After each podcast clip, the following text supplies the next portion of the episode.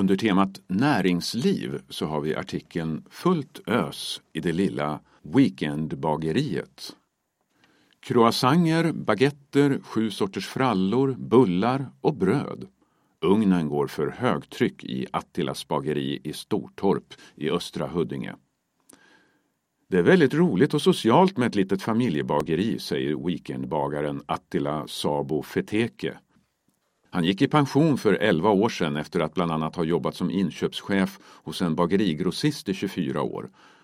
Han hade blivit intresserad av surdeg och surdegsbröd, så när pensionärslivet närmade sig köpte han en liten stenugn och började baka i garaget. Det som bakades gick åt som smör i solsken på bland annat grannskapsloppisar. 2010 började han och hustrun Solveig även med försäljning. Planen var att ha minst 20 kunder som var och en handlade för 100 kronor i veckan. Ugnen slog snart i kapacitetstaket. Den stenugn paret har idag är fyra gånger så stor. Han bakar varje fredagsnatt och lördag morgon, fortfarande i garaget. Hon sköter beställningar och paketerar brödet i påsar som kunderna hämtar på lördagsförmiddagarna. Nästan alla betalar med Swish. Paret mejlar en gång i veckan ut en lista över det som bakas till nära 400 kunder. Det är i stort sett den marknadsföring vi har.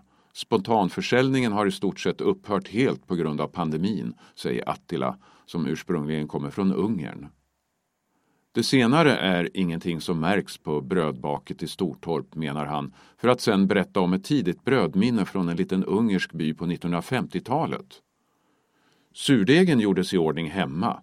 Den fick först jäsa i en stor korg och sen gick man till bybagaren som gjorde resten.